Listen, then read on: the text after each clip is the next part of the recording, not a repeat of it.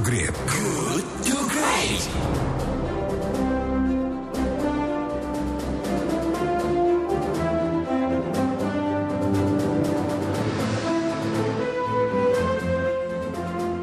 Terima kasih Anda masih bersama kami, sahabat Kilat, di sesi diskusi Kilat FM dan kita masih berbincang mengenai topik ketika mudik dilarang, bagaimana memastikan kebijakan itu berjalan efektif.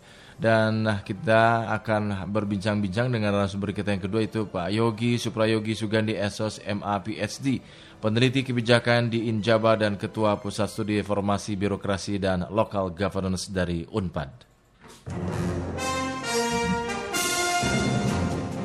Assalamualaikum warahmatullahi wabarakatuh. Selamat pagi Pak Yogi. Waalaikumsalam, Kang Gijul. Kumaha damang? Alhamdulillah, alhamdulillah. Alhamdulillah. Pak Yogi, ini kita berbicara tentang uh, keputusan uh, pemerintah ya untuk betul-betul melarang mudik gitu loh. Nah, artinya untuk mencegah penyebaran COVID-19 makin meluas kan Presiden Jokowi akhirnya memutuskan melarang masyarakat untuk mudik. Gimana tanggapan Anda?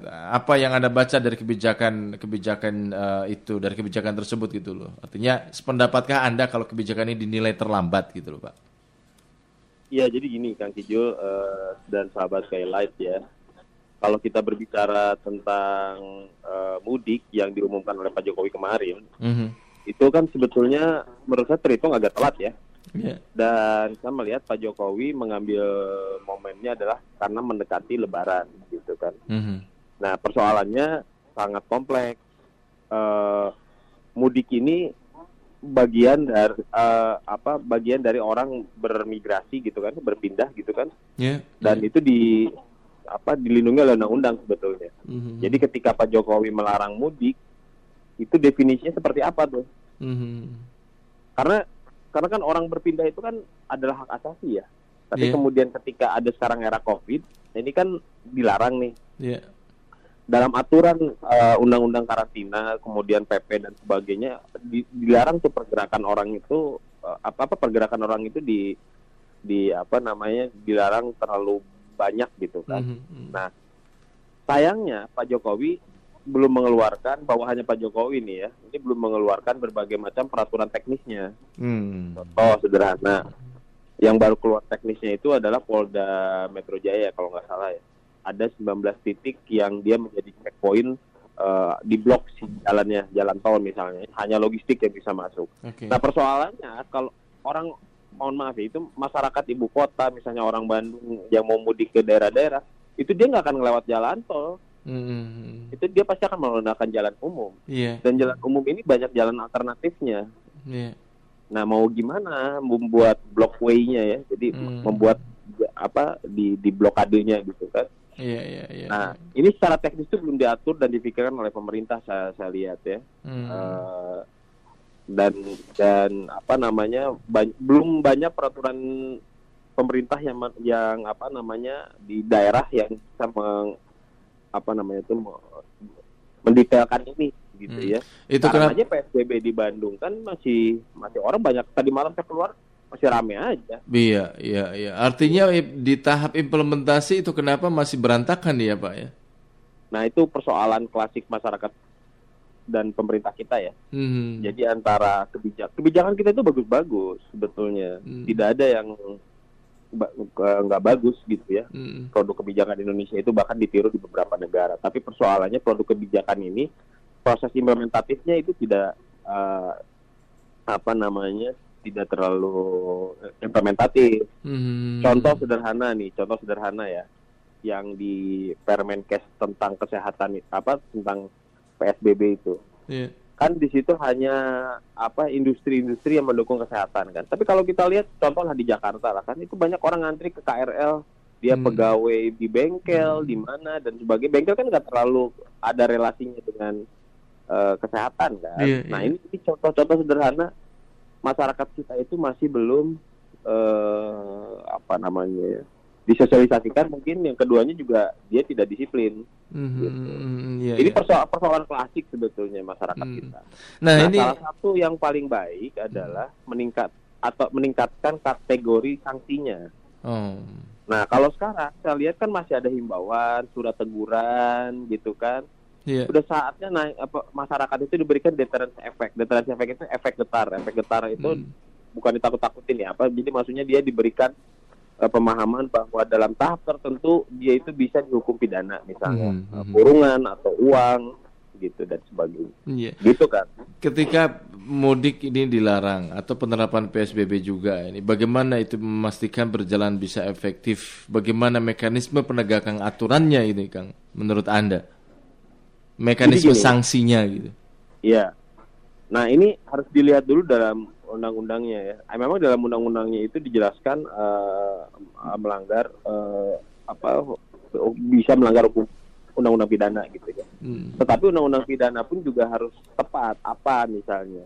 Kalau menurut saya sih lebih baik kepada mengganggu ketertiban umum, hmm. gitu ya hmm. kan ada pasal yang mengatur tentang mengganggu ketertiban umum. Yeah, yeah. Jadi jadi dikaitkan antara dalam proses draftingnya ya, dalam proses konteks menulisnya itu dia harus dikaitkan bahwa dengan ada dengan dia berkumpul dan sebagainya itu mengganggu ketertiban umum itu bisa menggunakan pasal itu hmm. dan diikat di situ kan ada hukum-hukumnya tuh dia dipenjara atau di apa diberikan denda kalau nggak bisa denda ya dipenjara gitu kan yeah. harus mulai didisiplinkan seperti itu hmm. jadi jangan hanya himbauan teguran dan sebagainya saya saat tahu posisi di lapangan itu akan sulit karena ketika menegakkan disiplin ini masyarakat pasti akan banyak yang protes tapi paling tidak memberikan deterrence efek yeah, yeah. memberikan efek getar terhadap hmm. uh, yang lain hmm. gitu. ini kan seolah-olah menjadi coba-coba ya ah lihat nanti dulu nih gimana oh kalau ternyata masih banyak uh, persebaran uh, apa positif corona berarti kita terapkan saja uh, apa dilarang mudik sebagai refleksi ke depan bagaimana supaya tidak ada kebijakan yang dalam terkutip quote and quote eksperimental atau coba-coba semacam ini, uh, Kang. Bukankah kebijakan coba-coba semacam ini ujung-ujungnya juga akan merugikan publik gitu? Iya jelas. Jadi gini, ini kan saya tadi uh, kemarin pagi saya baru baca satu satu artikel dari uh, teman kami di Universitas Gajah Mada ya, mm-hmm. yang menyatakan katanya proses PSBB ini bisa aja sampai 2022. Wow 2022. Ada 2022. Hmm. Jadi uh, itu kan kebayang resesi ekonominya kayak gimana gitu kan. Betul. Nah, saat lebih baik kita agak disiplin sedikit dua minggu, hmm. semuanya diam, yeah. Iya. uh, apa work from home, school from home, dengan peneg dengan sanksi-sanksi tadi, dengan penguatan sanksi-sanksi tadi. Karena gini, hmm. mudik itu kan pergerakannya cukup banyak, apalagi kalau di jalan umum. Justru menurut saya lebih aman kalau menggunakan jalan tol hmm. gitu ya tapi hmm. orang yang mudik itu harus ada mekanisme dia di karantina hmm. harus ada mekanisme di karantina dan dia tidak boleh istirahat di mana saja gitu hmm. tapi kalau lewat jalan umum dia itu bisa berhenti belok-belok di mana-mana kan iya yeah, iya yeah, yeah. nah ini ini tek, ini teknis sih sebetulnya saya nggak kurang paham gitu tapi hmm. dalam pikiran saya uh, kok kalau misalnya mudik ini tidak dilakukan secara disiplin, dilakukan dari sekarang. Checkpoint checkpointnya itu bukan hanya di titik-titik perbatasan kota, tetapi bagaimana disebar teman-teman aparat itu. Karena saya, menurut saya ada satu solusi lagi dan senjata kita yang belum dikeluarkan ini adalah teman-teman TNI kita. Mm-hmm. Teman-teman TNI kita itu sekarang masih banyak yang uh, di asrama gitu, ya. walaupun yeah. kita sudah banyak kasih lihat. Tapi kalau misalnya kita memberdayakan teman-teman TNI, masyarakat kita itu lebih segan kepada mereka. Iya, yeah, iya, yeah, iya. Yeah dan ini bisa lihat belum belum terlalu banyak ya gitu. Iya iya iya baik. Nah baik. padahal hmm. saya setuju dengan Pak Jokowi waktu itu sempat hmm. mengeluarkan darurat sipil. Hmm. Saya setuju hmm. biar ada doktrin TNI di situ. Iya iya. Tapi doktrin TNI-nya adalah doktrin yang non perang kan ada dalam undang-undang TNI itu di situ yang menyatakan bukan perang saja kondisi mereka itu tapi dalam kondisi bencana hmm. sosial itu hmm. mereka bisa di, dikeluarkan hmm. nah ini masih masih ragu-ragu yeah, yeah. pemerintah kita hmm. baik baik Kang Yogi terima kasih atas waktunya kita bincang-bincang pagi ini Kang Yogi siap terima kasih Kang ya, tetap sehat tetap produktif Kang Yogi Atur ya, Assalamualaikum warahmatullahi wabarakatuh Demikian sahabat telat Kang Yogi Suprayogi Sugandi Esos MA PhD peneliti kebijakan di Injabar yang juga ketua pusat studi reformasi birokrasi serta local governance dari Unpad Bandung.